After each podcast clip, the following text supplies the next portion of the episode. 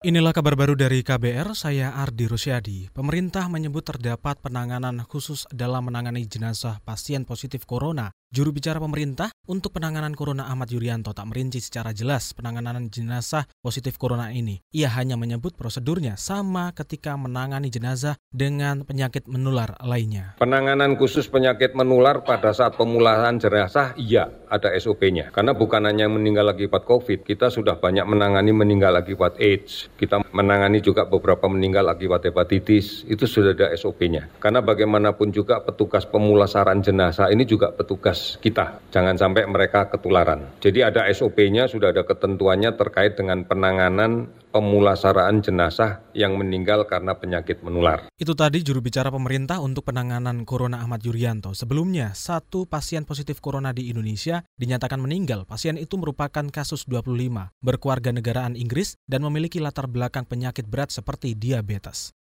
Informasi selanjutnya masih seputar corona. Ikatan Dokter Indonesia ID meminta pemerintah untuk menggandeng lebih banyak laboratorium untuk tes spesimen COVID-19. Ketua Satgas ID untuk kasus virus COVID-19 Zubairi Jurban menyebut imbauan ini dilakukan agar corona dapat ditangani dengan cepat. Iya kan mula-mula ada dua, terus empat, terus berapa, terus terus naik lagi. Ya itu itu akan angka ini uh, melihat pengalaman negara lain akan meningkat kadang-kadang setelah satu dua hari, tapi kadang-kadang dalam jam-jaman. Jadi data sore ini sudah bisa meningkat lagi dibanding data tadi pagi gitu ya. Uh, itu yang aku amat khawatirkan. Jadi masalah uh, eh, COVID-19 ini mungkin sekali untuk Indonesia mirip-mirip fenomena gunung es. Saat ini pengujian spesimen corona hanya dilakukan di Badan Penelitian dan Pengembangan Kesehatan Balitbangkes Jakarta. Informasi selanjutnya, pemerintah Provinsi DKI Jakarta menyebutkan terdapat risiko besar penyebaran virus corona melalui transportasi publik, yakni kereta rel listrik atau KRL, untuk rute Bogor, Depok, Jakarta Kota. Data tersebut tertera dalam foto presentasi rapat yang dipimpin oleh Gubernur DKI Jakarta, Anies Baswedan bersama dengan sejumlah jajarannya. Sementara itu, juru bicara PT Kereta Api Indonesia KAI Daerah Operasi 1, Eva Khairun Nisa membenarkan data tersebut. Eva menyebut pihak Pemprov sudah berkoordinasi dengan pihaknya. Dengan demikian, penilaian ini tak hanya berasal dari pihak Pemprov, namun juga manajemen KAI.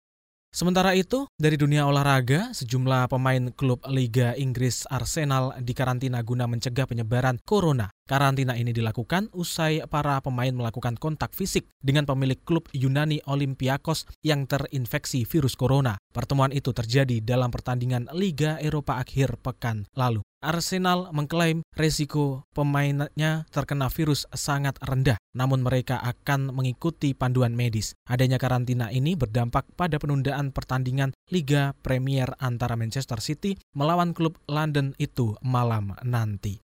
Dan informasi terakhir, pemerintah berencana menarik pelaut dari Indonesia yang beraktivitas di perairan Sabah, Malaysia. Ini dilakukan karena pelaut Indonesia yang bekerja di Sabah sering menjadi korban penculikan kelompok teroris Abu Sayyaf. Atas kondisi ini, Menko Polhukam Mahfud MD menegaskan pemerintah akan mempermudah peraturan atau izin melaut agar nelayan Indonesia tak mencari ikan di laut negara lain. Bahkan kita juga sedang akan memikirkan penempatan orang-orang Sabah orang Indonesia yang kerja di Malaysia menjadi pelaut yang sering menjadi korban penculikan. Itu kita sekarang sedang memikirkan ditarik ke lautan Indonesia aja. Yang penting peraturan kita dipermudah laut-laut di Indonesia itu diisi dengan kapal-kapal itu dan udah banyak yang mau pulang mereka dari Sabah. Pak kalau kami bisa dapat menjadi pelaut di Indonesia tanpa aturan yang rumit-rumit kami pulang ngapain ke Sabah juga? Kan enak di Indonesia Hingga Januari lalu, lima nelayan yang merupakan warga negara Indonesia diculik oleh kelompok bersenjata Abu Sayyaf di perairan Sabah, Malaysia. Sementara guna mencegah kasus penculikan yang berulang, pemerintah Indonesia telah mengimbau seluruh WNI yang bekerja di kapal-kapal ikan Malaysia untuk tidak melaut di perairan sekitar Sabah untuk sementara waktu. Demikian tadi informasi dari KBR, saya Ardi Rosyadi.